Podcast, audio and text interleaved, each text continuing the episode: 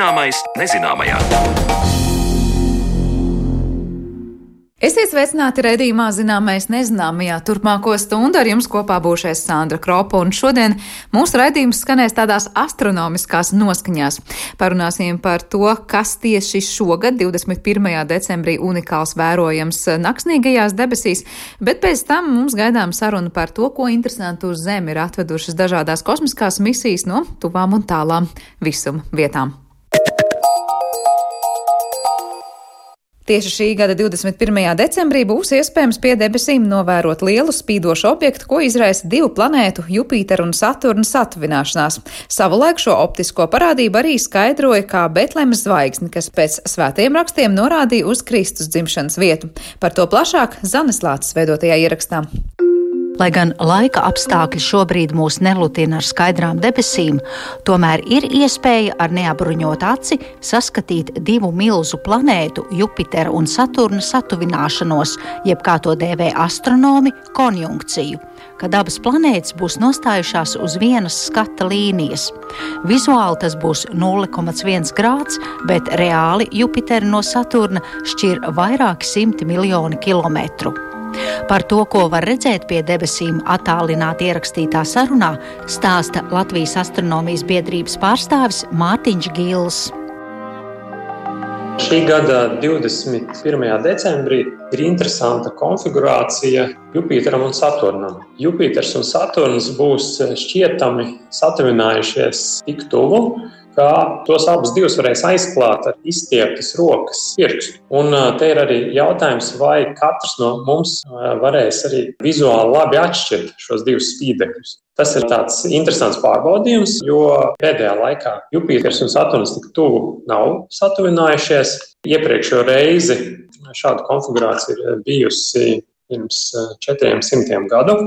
Un šeit nāk arī vietā atcerēties latviešu izcelsmes astronoma Kārļa Kaufmaņa, kurš profesionālo mūžu pavadīja Amerikā, izvirzīto hipotēzi, ka slavenā Betlēmes zvaigzne, kas ir aprakstīta svētajos rakstos, faktiski ir bijusi Jupitera un Saturna konjunkcija.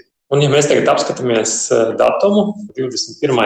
decembris ir faktiski ziemas ir faktiski tas ir Ziemassvētku laiks, nu, tad jāsaka, ka šī ir tāda interesanta sakritība, kas šogad ir novērojama. Pirms turpinām, kur un kad varēs redzēt šo spīdumu, paklausīsimies ierakstu, kas skanēja tieši pirms gada, kad Mārtiņš Gils stāstīja par teorijām saistībā ar Betlēmes zvaigzni. Betlēmas zvaigznes tēma nav varbūt gluži astronoma tāds galvenais intereses objekts, bet eh, vēsturiskā kontekstā ir virkne astronomu šo lietu pētījuši. Ja tā konkrētāk runājam, tad šeit ir tādi vairāki virzieni. Pirmā reakcija, kas var iešauties prātā, ir tā, ka iespējams ir bijusi kāda sprākstoša zvaigzne, kas negaidīti kļūst ļoti spoža. Astronomijā tā sauc par pārnovām. Tad um, dažu dienu laikā tās spožums var pieaugt tik tālu, ka pat dienas laikā var ieraudzīt nelielu punktiņu, un naktī tās spožums var sasniegt daļu no pilnmēnesis, arī tādu spožumu. Tomēr, ja kaut kas tāds būtu noticis ap šo periodu, ko mēs saucam par mūsu ēru un pirms mūsu ēra, jeb šo mūsdienas un pirms Kristus dzimšanas, tad tāda īsta apliecinājuma nav atrasti, ka būtu bijusi kāda īpaša spoža pārnava. Ik pa laikam ir kādas zvaigznes, kas šādi beidz savu dzīvi, tomēr um, to spožums nav tik liels un arī nav tik ilgstošs. Tad nākamā teorija, kas varētu būt, ir komētas, kas laika pa laikam parādās, kustās pie debesīm un pazūd. Ir bijušas teorijas par to, ka savulaik slavenā Halei komēta, tā varētu būt. Jā, un šai komētai ir raksturīgs tas, ka tā ir novērojama ar periodu 76 gadi.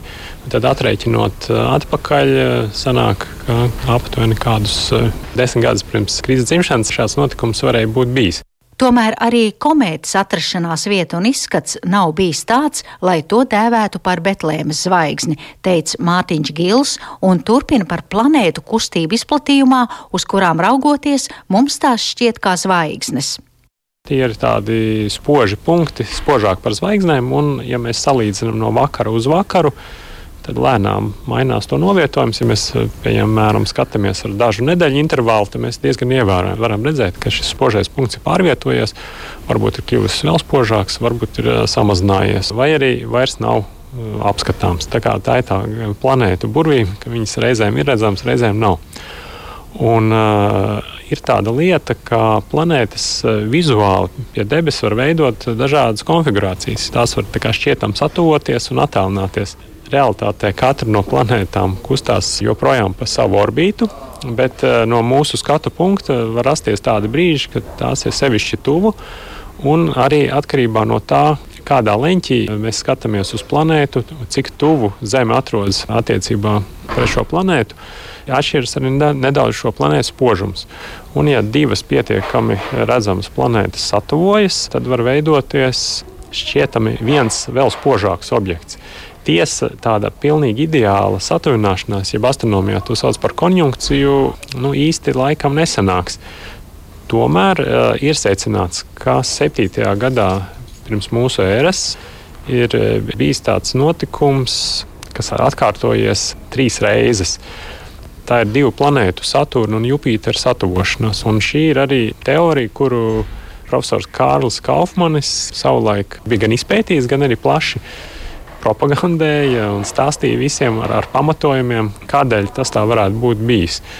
Un te lietas būtība ir tāda, ka pirmajā reizē tas bija februārī, pēc tam maijā un trešo reizi decembrī Jupiters un Saturns cieši satuvojušies.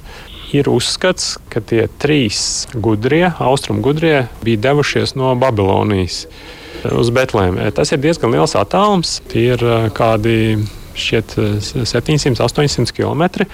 Laikam bija novērtēts, ka ceļā ir jāpavada vismaz 5 nedēļas, bet profesora Kaufmaņa izteiktā hipotēze saka to, ka tie varētu būt bijuši Babilonā praktizējoši ebreju astrologi, ne astronomi, bet uh, astrologi, kas ir vērojuši zvaigznes un mēģinājuši saskatīt dažādas uh, zīmes, sakarības. Un uh, šīm abām planētām, Jupiteram un Saturnam, ir bijusi īpaša astroloģiska nozīme. Un eh, tas, ka šīs planētas bija satuvojušās, tas nenotiek pārāk bieži. Šis konjunkcijas brīdis. Bet eh, tas, ka viņi satuvojās pirmo reizi, otro, un tad, kad jau bija trešā reize, decembrī, tad tika secināts, ka ir jādodas uz Betlemi. Tajā virzienā, kur šķietamā zvaigzne ir redzama. Bet pilnīgi skaidrs ir, ka tā nebija fiziska zvaigzne, un arī saskaņā ar uh, profesoru Kaufmaņa teoriju viņi ir apzinājušies, ka tās ir planētas, bet tā zvaigzne ir kā simbols uh, uztvert. Jā, tas pilnīgi noteikti ir optisks efekts, un uh, parasti šāds stiprs satošanās brīdis ir vai nu vienu dienu, vai arī tas var būt kāda nedēļas garumā. Pēc tam jau tās planētas tā diezgan attālinās, un, un, un nevarētu teikt, ka viņas ir īpaši tuvu. Ir uh, bijis arī pirms dažiem gadiem Latvijā mēs varējām novērot, piemēram, Jupiters un Venēra ļoti cieši satuvojās. Nu, nevarētu teikt, ka viņi izskatījās kā viens objekts, bet uh, jebkurā gadījumā bija tā, ka um, ar izstieptas rokas pirkstu varēja nu, abas divas aizsekt reizē. Nu, tas ir pietiekami tuvs attālums. Ja ir pavisam tuvu, tad var būt bez kaut kādiem optiskiem līdzekļiem. To var uztvert kā vienu spīdekli. Bet šeit vairāk tāds viedoklis ir, ka tas jāuztver simboliski. Ja divas planētas satuvojās, tad veidojās nu, simboliska zvaigzne. Teorijas par to, kas tolaik ir spīdējis pie debesīm, bija vairākas. Cits starp arī tādas, ka evaņģēlists Matejs šo zvaigzni ir izdomājis. Atgādināšu, ko viņš par to rakstīja.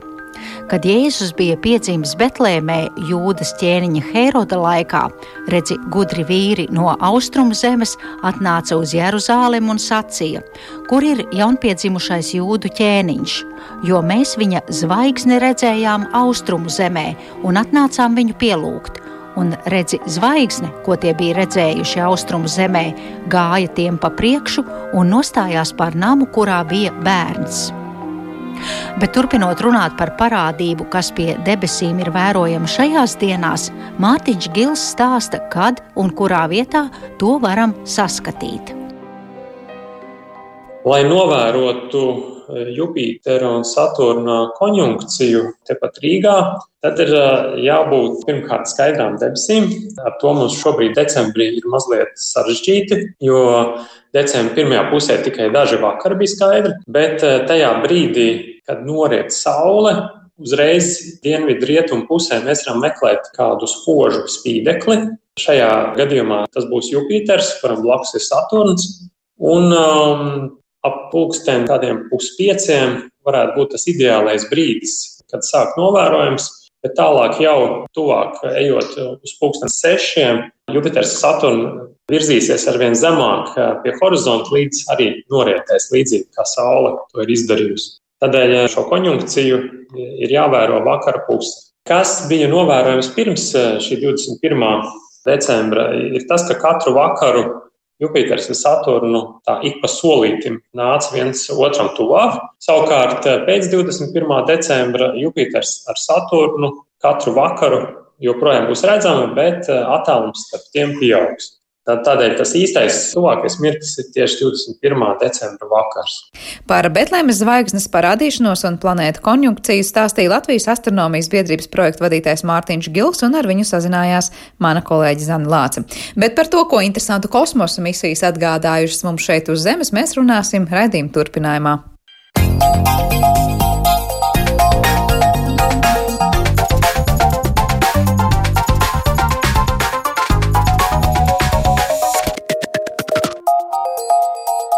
Zināmais nezināmajā.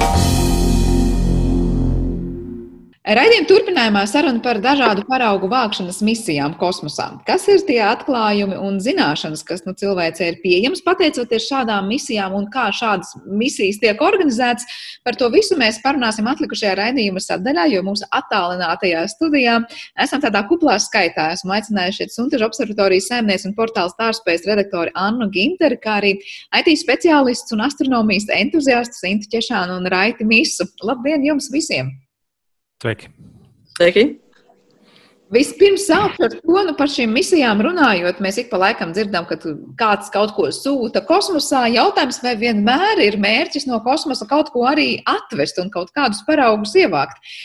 Nezinu, kuram no jums ir varbūt tāds pārskats nu, par to procentuāli vai aptuveni, cik daudz patiesībā brauc kosmosā ar mērķi kaut ko atvest. Inti, tu mums bieži par šiem jautājumiem esi runājis, varbūt ar tevi sākšu. Jā, nu jāsaka, ka šīs parauga atgriešanas misijas e, mums ir bijušas tā, ka nu, uz pirkstiem var pārskaitīt. Ja mēs kosmosā esam devušies tūkstošiem reižu, e, tā izskaitā pietiekami daudz arī kaut kur dziļāk Saules sistēmā, tad atgriezuši paraugus mēs esam no mēnesis, no vienas komētas, pie tam ne pašas komētas, bet tikai putekļus, kas ir ap šo komētu, no viena asteroīda, nu un vēl mazliet saules vēju savākuši. Tas arī viss. Vairāk mums līdz šim nav bijis, jo šīs misijas ir eh, ļoti komplekss, gana dārgas, sarežģītas, nav vienkārši. Protams, mums ir liela mērķa, un mēs daudz gribam, un, un, un nākotnē mums ir diezgan skaista, bet, eh, bet tas nav vienkārši, tāpēc šo misiju ir bijis ļoti maz. Bet izklausās diezgan eksotiski. Saules vēju pat savākt. Nu, kādus paraugus tur savāc? Mēs savācam uh, niecīgas, niecīgas daļiņas saules vēja gadījumā. Tās vairāk ir tādas e, cēlgāzes dažādas, uh, kas ir šajos nu, ko saules vējš nes, un viņas tur tād, tādām silikona plāksnēm un zelta plāksnēm tika savākts un atgādāts uz Zemi. Īsnībā misija bija gan interesanta un, un beidzās diezgan, varētu teikt, traģiski, bet paraugus mēs dabūjām. Jā, droši vien, ka ir gājis kosmosā visādi dažādās misijās, par to mēs arī varam parunāt. Raitim un Annai arī došu vārdu par to, nu, kā jūs komentējat, tas ir daudz maz, vai tas, ko Inns tikko minēja, tas ir tīri pietiekoši, lai mēs uz tā visu fonu arī kaut kādus secinājumus izdarītu par lietām kosmosā, vai jūs, prāt, tur ir jā jādodas vēl un daudz? Nu, protams, tas ir tikai tāds, varētu teikt, ārējās lāniņš paskrāpēšana, bet jāsaka gan, ka nu, nevarētu teikt, ka mums ir tikai tas, tie paraugi no kosmosa, ko atgādājuši šīs misijas. Nevajadzētu aizmirst, ka mums pastāvīgi kosmos pats atgādā dažādas paraugus. Protams, mēs nevaram izvēlēties, kas tas būs pa paraugu, kas nokritīs uz Zemes, bet reiz pa reizei tomēr mums tiek piegādāts kāds Marsa paraudziņš, kāds Mēnesis paraudziņš, kāds asteroīdu paraudziņš. Un, protams, tās zināšanas, kas ir savāktas pētot gan tos paraugus, kas ir nokrituši kā meteorīti, gan tos, kas ir atvesti speciāli, vairo izpratni par tiem objektiem, no kuriem šie paraugi ir atlidojuši vai arī paņemti. Līdz ar to, protams, nu, nenoliedzam tas, ka mēs dabūnam tos paraugus un varam viņus šeit izpētīt laboratorijā, ir ļoti liels iegūms. Jo, ja mēs pat aizbraucam uz Marsu un aizsūtām tur diezgan izsmalcinātu laboratoriju, tas tomēr nav tas pats, kas tā, tās iespējas un tā aparatūra, kas šeit uz zemes, jo vienmēr jau jāņem vērā, ka tam aparātam ir gan jāpaceļās no zemes, gan jāiztur tas lidojums līdz tam objektam, plus vēl veiksmīgi jānolaižās un ir jāsabalansē vienmēr šī aparāta ilgspējība, mobilitāte un tās laboratoriskās iespējas, kas tur ir. Un Līdz ar to mēs saprotam, ka, protams, mēs nevaram aizsūtīt tur milzīgu kompleksu, kas veiks ļoti sarežģīts ķīmisks, bioloģisks, fizikāls eksperiments, un tāpēc izdevīgāk tos paraugus kaut vai nelielā daudzumā, kaut vai pavisam mazā apjomā, bet atgādāt atpakaļ uz Zemi, kur ar tiem varēs jau strādāt vairākas laboratorijas, dažādi zinātnieki, dažādas pieejas. Un, kā, protams, jā, tas ir nenoliedzams iegūms, ka mums ir gan šie brīvi krītošie paraugi, gan arī tie, ko mēs esam ieguvuši pēdējā uh, gadsimta laikā. Jā, par tiem droši vien arī par katru varētu runāt atsevišķi raidījumu. Vēl došu vārdu, ja reiz mēs te vaicājam katru redzējumu par to, ko mēs esam uzzinājuši par kosmosu pateicoties šīm misijām. Kā tu teiktu? Tas ir arī kā citējot Annu, paskrāpējām ārējo slānīti mazliet, vai tomēr uzzinājām gana lielas lietas? Nu, tur ir dažādi no mēneša. To parādu ir diezgan daudz, bet tāpat tās, protams, tas neaptver visas iespējas, kas tur ir, visas, visas iežu veidus, ko tur var dabūt, un arī ne, ne to, ne visu, nu, visu to virsmas apjomu. Bet interesanti lieta, ko var piebilst, ir, ka mums arī tepat Latvijā ir iespēja apskatīt mazu mēnesi gabaliņu Latvijas Universitātes muzejā. Viņiem ir paraugs. Mēs viņu arī pat ar savām acīm esam redzējuši. Kā tas līdz mums ir nonācis un kāpēc tas ir Latvijas Universitātē? To viņu ceļu tieši līdz šai ekspozīcijai es ļoti precīzi nezinu, bet katrā ziņā tas ir kāds no šiem Annas minētajiem pašapnācējiem, un, un tāds gabaliņš vienkārši tur ir kolekcijā nonācis. Droši vien jau ka nopirkts kādam citādi. Anna vēl te pieminēja arī tos pašus atnācējus, gan no Mēnesis, gan no Marsa.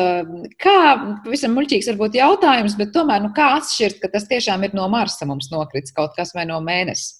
Kā šajos paraugos orientējas, nu tā uz Zemes paskatoties un saprot, no kurienes līdz mums nokritis?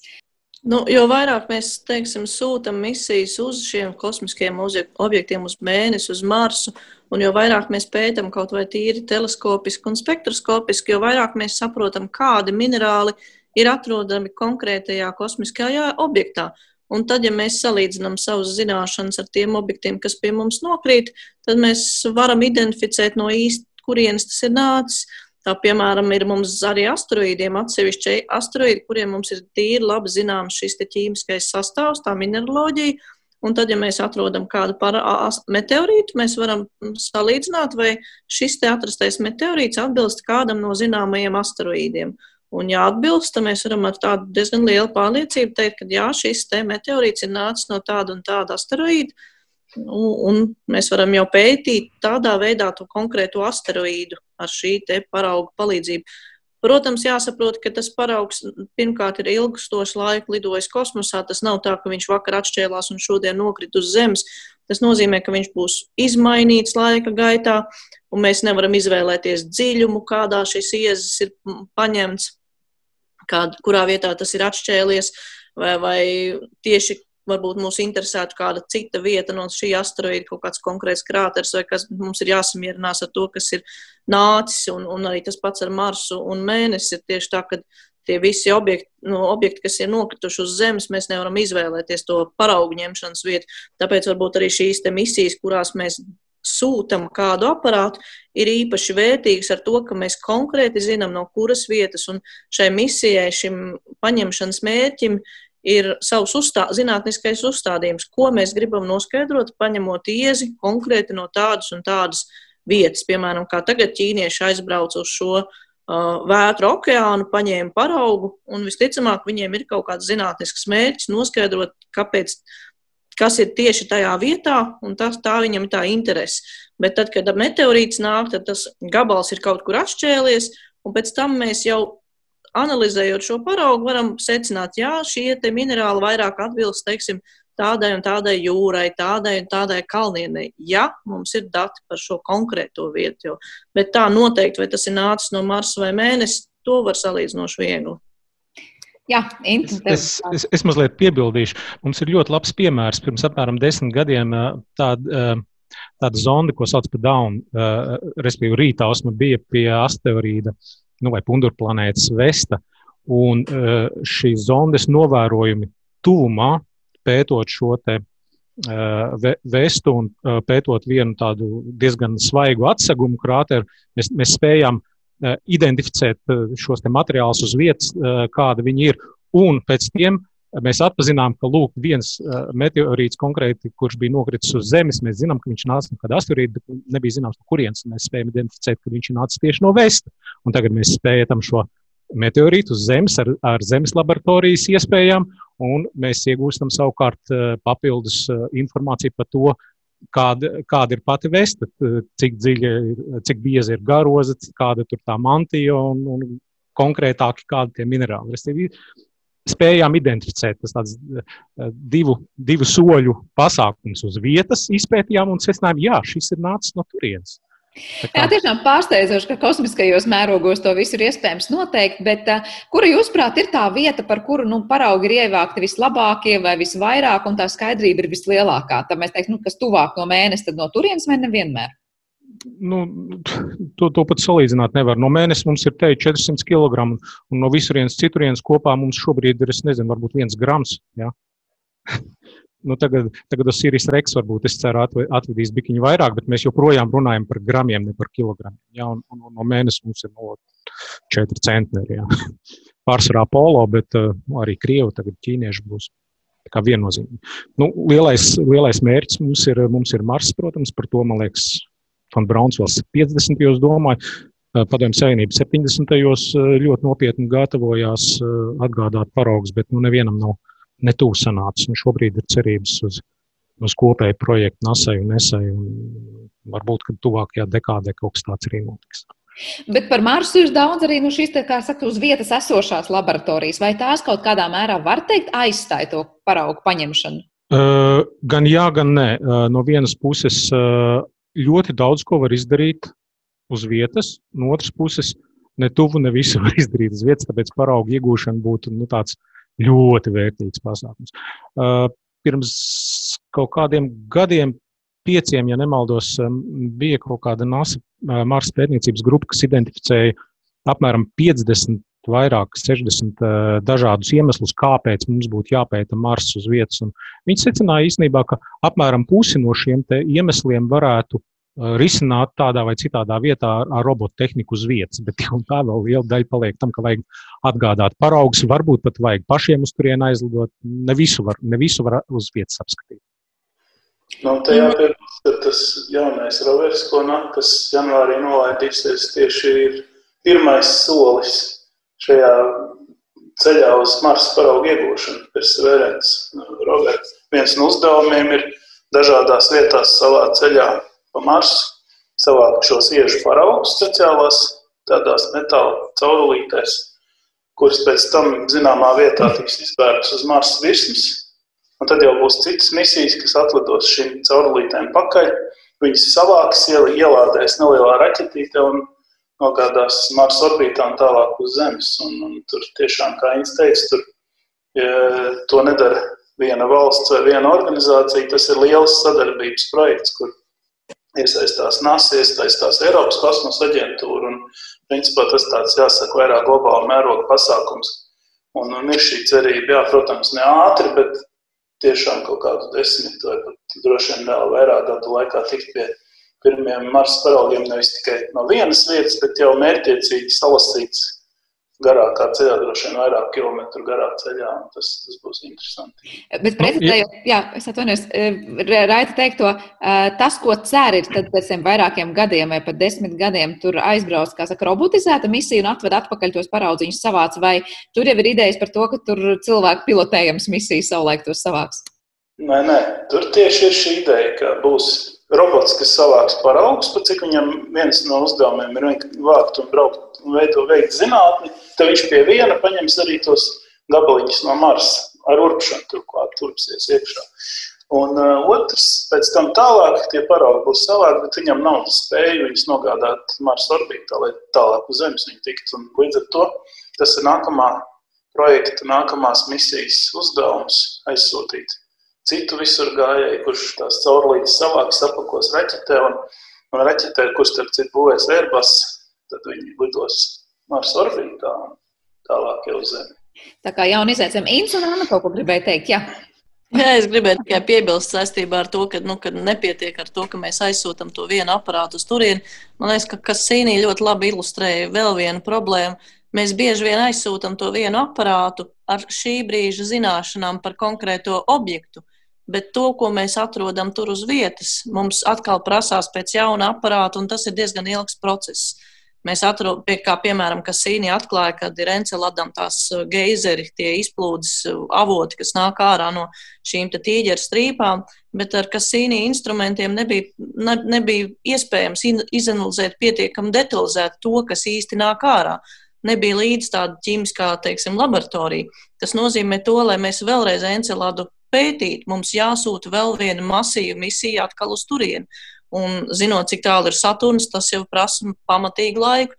Mars gadījumā varbūt tas nav tik ļoti, bet vienalga, jebkura misija, kuru mēs sūtām uz turieni, ir ļoti, ļoti ilgs laiks, lai mēs to sagatavotu, izstrādātu instrumentus, un tad viņi tur nokļūtu, un tad atkal viņi veiktu kaut kādu darbu.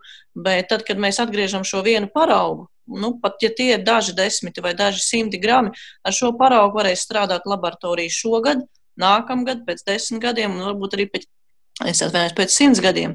Tā kā principā tas, ka mēs atvedam to paraugu šeit un mums kaut kāda daļa saglabājas tālākiem pētījumiem, tas nozīmē to, ka mūsu zināšanas vairosies un mēs viņu varēsim tālāk ar vien labāk un labāk izpētīt.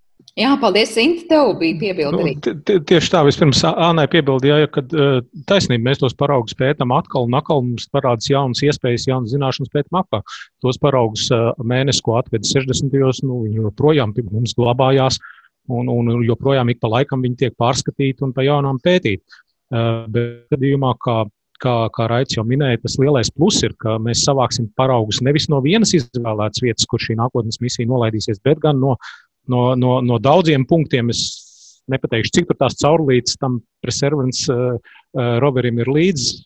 Kādas nu, 50, desmit vai, vai vairāk? Pat, man, man liekas, stipri daudz tur bija. Jā. Nu, katrā ziņā rīktīgi iekšā.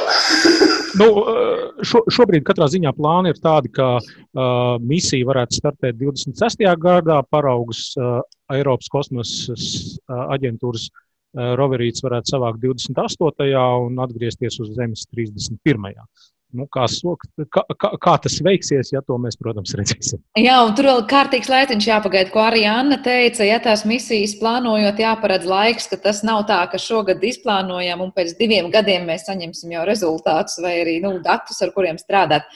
Plus vēl es pieņemu, tas arī cik ļoti izmaksā. Starp citu, Tas ir ļoti, ļoti dārgāk, ja veidot misijas, kurās arī tiks ievākti paraugi. Vai tā kosmiskā misija savā dārdzībā jau ir tik dārga pašā sākumā ar to došanos līdz konkrētam objektam, ka tas daudz neko nemaina? At, atkarīgs varbūt no tā, kur un ko savācam. Ja mēs savācam saules vēju vai komētas astes paraugus, tad uh, viņi ir nedaudz dārgāki, jo mums, protams, ir jāatgriežas uz Zemes. Galu galā jāiet cauri Zemes atmosfērai. Ja mums jāpaceļās no kāda debesu ķermeņa, piemēram, Marsa, kas ir planēta, nu, tas sadārdzina misiju, es domāju, reizes desmit. Ļoti ievērojami. Ja? Jo mums īstenībā jānogādā vesels nesējs uz planētas virsmas. Neskarts, darboties gatavs un pēc tam no turienes jāpaceļās. Nu, tas ir, tas ir ļoti kompleksīgi. Vēl viens jautājums, ko noteikti gribētu aktualizēt, kā ievākt tos paraugus tā, lai mēs būtu pilnīgi droši, ka mēs tur, eh, kas saka, beig beigās nepētām pašu savu zemes vienu materiālu, paņemt to, aizvest to vai kā citādi nonākuši kontaktā. Vai jūs varat pastāstīt, ilustrēt to, nu, cik sarežģīts tas process un kā tiek domāts pie tā, lai beig beigās tais laboratorijās neanalizētu kaut ko, ko tepat uz zemes esam jau pievienojuši klāt? Nu, jā, tur tas ir diezgan vienkārši. Pirmkārt, veidojam to visu no materiāliem, ko mēs zinām. No precīzi no tīriem materiāliem, nodrošinām to, lai tur nekas nenonāk, nekādas vešķermeņi tajās, piemēram, kaut vai tajās pašās metāla caurulītēs, kurās tiks ievākti šie paraugi. Veidojam viņus zinot to vietu, no kuras tiks ņemts paraugs, proti, lai nenotiek kaut kādas ķīmiskas reakcijas ar to trauku, kurā šis paraugs nonāks, tas arī ir jāņem vērā. Un, un faktiski to visu darot tādos laboratorijas apstākļos un aptuveni zinot, Ko mēs vāksim? Mēs varam izveidot nu, sterilu to paraugu vākšanas mehānismu un nodrošināt to, ka, kā tu saki, mēs nepētām kaut kādus mikrobus un nekonstatējam, ka ir kur dzīvība atradām. Jā, patiesībā tie ir mūsu paši kaut kādi mikrobi. Un tas ir tā, tā citādi, neko īsti jau to kontrolēt nevar. Tikai darot visu tīri.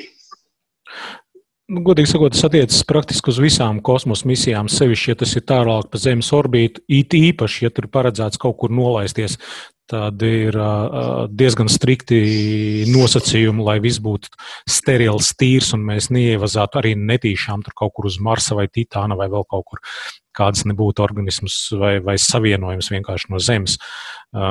Es neesmu pārliecināts, kā tur var būt Ķīnai vai, vai, vai vēl kādam kuri mazāk dalās ar informāciju, ja, bet NASA vai Jaksa Japānā tas ir diezgan strikti. Ja.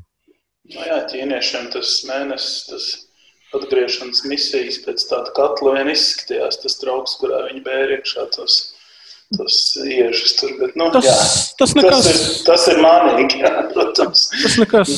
Var jau būt vienkārši. Es pieļauju, ka, viņiem, ka viņi ar par to domā. Mēs vienkārši neesam nekur lasījuši. Viņa... Varam nokontrolēt un, un saprast, vai tiešām, piemēram, nu, tā misija aizbraucot uz to mēnesi, nav jau tur uz tā mēnesi atstājis kaut ko, ko tur nevajadzēja atstāt? Ja? Attiecībā mikrobioloģisko piesārņojumu, teiksim, tad, kad ir, tiek izstrādāts tas kosmiskais aparāts, viņam tiek regulāri ņemti paraugi, tiek audzēti mikroorganismi Petrī platītēs un ir noteikts daudzums, cik drīkst izaugt no tiem konkrētajiem paraugiem. Tā kā principā to kosmisko aparātu visu laiku pieskata un cilvēki ievēro epidemioloģiskos nosacījumus, lai viņi neinficētu ne aparātu, ne, ne pārējo, kas tiks uh, nolaists uz kādas, uh, kādu objektu virsmas.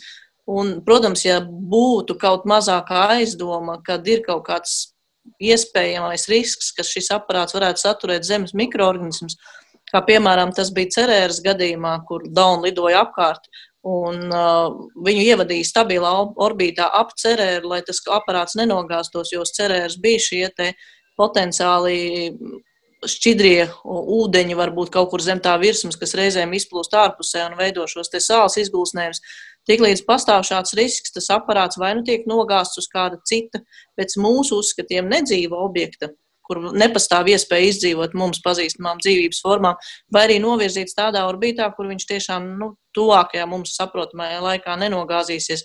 Un visticamāk, arī tad, ja teiksim, tas kosmiskais aparāts atrodoties ceļā uz Marsu, kāds pēkšņi atklātu, ka mēs redzam, sajaucām paraugus. Un tur bija patiesībā izauguši vesela kolonija mikroorganismu. Visticamāk, ka tad tā misijas gaita turpmākā un mērķis tiktu mainīts, lai ņemot vērā šos mikrobioloģiskos piesārņojumus. Tā kā pret to attiecas tiešām ļoti nopietni, un es domāju, ka arī Ķīna ar to nejauko. Jo mēs tīri labi zinām, cik mikroorganismi labi spēj vairoties un mutēt sev labvēlīgā vidē, kur viņiem nebūtu vispār nekādu ienaidnieku. Tad eh, kādā brīdī aizbraucot mums kaut vai uz Marsu, mēs varētu atklāt, ka varbūt tur savairojies kaut kas tāds, ar ko mēs vairs nespēsim cīnīties.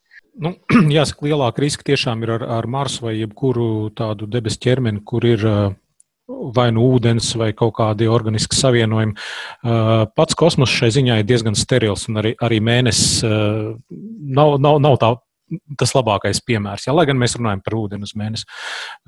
Tāpat laikā attiecībā uz mēnesi, nu, Apollo laikā, es pie, piedodiet, bet uz mēnesi ir apmēram 170 tonnas atkritumu ja no zemes, visādi tur pamata pakāpju un vēl kaut kādā veidā, un mēnesis aparātu nolaižamo. Tā kā piemēslojuši mēs tur esam daudz vairāk nekā no turienes paņēmuši. No Marsa tajā ziņā, man liekas, vēl mēs, mēs uz no Marsa neko īsti vēl neesam paņēmuši. Jā. Bet pa Marsu jau braukā mūsu laboratorijas, vai ne? Tā kā kaut ko atstājuši uz Marsa esam diezgan. Jautāšu jums, jūs te piesaucāt, ka tos atvestos paraugus var joprojām analizēt un meklēt pat vairākus desmit gadus pēc tam, kad paraugs jau pirms nonāca. Ko īsti meklē, piemēram, nu, no tiem paraugiem, kas atvesti varbūt jau nu krietni, krietni sen? Varbūt varat ilustrēt galvenos jautājumus, kas parasti nu, nodarbina cilvēku prātus, un kur šie paraugi vēl var sniegt atbildes?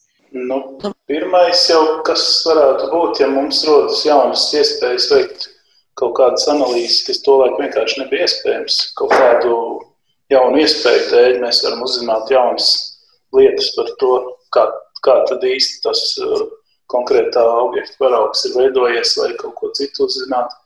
Un otra lieta ir, ka veicot kaut kādas darbības rodas jautājumi citā aspektā par to pašu paraugu, kas iepriekš vienkārši nav pētīti Tad mēs paņemam atkal šo paraugu un veicam šos pētījumus un uzzinām vēl kaut ko jaunu. kaut ko tādu, kas mums varbūt vienkārši nebija ienācis prātā. Nevis tāpēc, ka mēs nemācījām to analīzi veikt, bet tāpēc, ka mums neienāca prātā to izdarīt. Nu, protams, arī visādas lietas saistītas ar to pašu ūdeni, jā, var paskatīties tajos paraugos, kā tur varbūt, ka tur kaut kur viņš tur iekšā kaut kur ieslēpies. Nu, visādi šādi jautājumi, kas rodas jau to atklājumu, kas tiek veikts cita, citādāk veiktu atklājumu rezultātā, rodas jautājumi, kurus var mēģināt noskaidrot ar esošo paraugu palīdzību. Annē, laikam, bija arī kas sakāms. Jā, man tāds piebildi par mēnesi, ka pēc mēnesis parauga mums šobrīd arī ir tādi visai interesanti ienākot 3D drukas tehnoloģijām un apsverot šo ideju, ka varētu jau no mēnesi iežiem veidot šīs bāzes ar 3D drukas tehnoloģiju. Tas nozīmē to, ka mums ir lieliski iespēja pamēģināt atveidot vai, vai izmantot tos pašus iežus, kas ir atvest no mēnesi, vai uztaisīt nu, tādas tā kā simulācijas un pamēģināt, vai tiešām ar šiem iežiem, kas atrodams uz mēnesi, ar regulīti, kas tur tas putekļi varētu tā teikt, vai to var izmantot šajās drukas iekārtās, varam pielāgot drukas iekārtas, var, varam eksperimentēt. Tas jau nav vairs tikai tīri tā, lai apmierinātu zinātnē par šo pašu objektu, kā viņš ir veidojies, no kā viņš sastāv, vai tur ir ūdens, vai tur ir kaut kas cits, kas mums varētu būt derīgs. Bet tīri arī no praktiskā viedokļa, vai, vai teiksim, varam uzbūvēt bāzi uz mēnesi, nevedot uh, celtniecības blokus no zemes, bet izmantojot šos te iežus, kas atrodas uz mēnesi. Es domāju, ka arī Marsa gadījumā būs arī šiem paraugiem būs arī tīri praktiskāka ievirzi, piemēram, vai varam izaudzēt kartupeļus uz mēnesi, izmantojot uz Marsa, izmantojot Marsa augsni. Jā, var teikt, ka mēs simulēti varam atvest tuvāk šo marsu un mēnesi, kā kurā gadījumā, un mēģināt daudz jautājumus atbildēt šeit pat uz zemes. Bet noslēdzot šo sarunu, es jautāšu jums katram, kas jūsuprāt ir bijušas tās būtiskākās lietas, ko mēs esam uzzinājuši, nu vienalga par veidošanos vai par izdzīvošanas iespējām dažādās vietās, tieši pateicoties tiem paraugiem, kas jau vienalga kuros laikos ir atvesti uz, uz zemes. Kas, jūsuprāt, ir tās fundamentālākās vai interesantākās lietas? Nu, sākšu Intu ar tevi. Mm. Nu, pārsvarā jau spiež uz, uz, uz fundamentālām lietām par uh, saules sistēmas izcelšanos, par dzīves izcelšanos saules sistēmā, otrām kārtām par katru konkrētu objektu, kā viņš ir uh, veidots, kā viņš sastāv, ar to saprotot ne tikai šo paraugu, uh, ko mēs paņēmām, bet pēc viņa spriest, kas, kas, kas tur iekšā mēnesī vai kas tur iekšā kādā asteroīdā uh, kas tur aprakts. Es domāju, tie, tie, tie ir tie galvenie, uz, nu, kurus vienmēr min. Lai gan, godīgi sakot, es, es uzskatu, ka ir arī pietiekami daudz blakus parādību, jo katru reizi veicot šādu misiju, kaut ko atgriezt, mēs tik daudz jaunu iemācāmies. Gan akadēmiski, gan, gan, gan tīri praktiski, un, un tā ir milzīga vērtība mums pašiem šeit uz Zemes, varbūt bieži vien pilnīgi nesaistītās lietās. Mhm, paldies! Raiti! Nu, tā īsti tāds viens spilgtāk, ko varbūt arī nevarēšu tagad uzreiz izcelt, bet uh, tas, ko varētu piebilst, ir, ka šie iežu paraugi uh, dod tādu, jā, tās klātbūtnes efektu un, un, un bieži mums izdodas tos iežu paraugus, teiksim, ir konkrēts piemērs ar Marsu, kaut arī mums no Marsa neviena parauga vēl nav, bet mēs jau Marsa nu, grunts paraugus, simulācijas uz Zemes jau spējam izveidot un tādējādi veikt kaut kādus līdzīgus eksperimentus, kā Anna minēja par mēnesi, jau tagad, pat tad, kad mums vēl ne grama no Marsa, izņemot šos paškritējus, nav jau tagad nu, veikt, teiksim tā, tādus varbūt vairāk celtniecības tipu un konstrukciju tipu eksperimentus ar to, kā, ko varēs tad, kad tur nonāks un Un kaut kādas reālas darbības, varbūt kādreiz cilvēki arī uz Marsa gribēs sev māju uzbūvēt ar šiem pašiem printeriem, 3D kaut kādu līmu tikai līdz paņemot un no smiltīm uzlīmējot šīs mājas. Un tad, tad to mēs jau tagad faktiski darām. Tas ir paraugs, kurš ir paštaisīts, bet kurš ir ļoti tūs tam, kā tur uz Marsa tiešām ir. Anna? Jā, nu es varu tikai pievienoties, un, un man liekas arī, ka es nevarētu nosaukt kaut kādu tādu uh, ļoti sensacionāli atklājumi pateicoties tieši atvestajiem paraugiem. Bet es domāju, ka tā tehnoloģija pieslīpēšana un tas, ka mēs to mēģinam darīt, jau pašas tās misijas kļūst ar vien sarežģītākas. Nevien, ne, nevairs aizbrauc tikai un paņem to paraugu, liel, bet veic arī vēl papildus kaut kādus pētījumus, kā piemēram bija gan šis asteroīds Rīgu, gan asteroīds Bennu, pēdējās divas lielās asteroīdu misijas, kur nebija tikai aizbraukt, paņemt paraugu un atvest atpakaļ, bet veikt arī pašu asteroīdu izpēti, lai labāk saprastu, no kā ir veidoti tie zemē tuvie asteroīdi, kas potenciāli mums ir bīstami. Tā kā es domāju, ka tas nav tikai viens pats paraugs, kuru pēc tam var laboratorijās pētīt un apstiprināt, varbūt tas, kas ir novērots no orbītas augstumiem, bet arī vairāk tas, ka tīri tiek slīpētas tehnoloģijas, tiek attīstītas jaunas metodes, kā paņemt paraugu, kā viņu atgādāt droši uz Zemi. Jo tie pirmie mēģinājumi, tur kapsula saplīsa, tur vēl kaut kas notiek. Un ar katru šo misiju mēs arvien labāk saprotam, kā to paraugu atgādāt uz zemes. Nevis, ka viņš vienkārši nokrīt un mēs tur vienkārši aizējām un secinām, ka jā, viss ir vaļā un tas paraugs ir piesārņots, bet ar vien labāk un labāk un, un precīzāk krišanas vietu un, un paraugs paņem ar vien vairāk. Un, un tā kā es domāju, ka no tehnoloģija iegūst ziņas, tas ir daudz būtiskāk pat un varbūt nekā tie daži grami, ko šeit atved uz zemes. Jā, nu patiešām izklausās, ka ir daudz ko mācīties arī kaut vai no pašu paraugu ņemšanas un atgādāšanas eh, procesa, no daudz kā cita. Mēs esam ieguvuši arī tiešām, kā arī jūs teicāt, gan fundamentāls, gan praktiskas lietas un, un zināšanas. Skatīsimies, ko nesīs mums nākamās misijas, jo, kā es jūsos klausoties sapratu, tā tad mums aktualitātes kosmosā pavisam noteikti uh, sit augstu vilnu un, un vēl interesanti fakti ir gaidām. Teikšu jums visiem lielu paldies! Dzirdējām šajā raidījuma pusstundā portāla Starspace LV redaktoru un arī Suntažu observatorijas saimnieci Annu Ginteri, kā arī IT speciālists un astronomijas entuziastus Intu Češānu un Raiti Misu. Ar to arī šis raidījums ir izskanējis. Par to parūpēs producents Armīta Palāta un mūzikas redaktors Girds Bišs. Un atgādināšu, ka mūsu stāstus var dzirdēt arī populārākajās podkāstu vietnēs. Ar to arī es no jums atvados un uz tikšanos!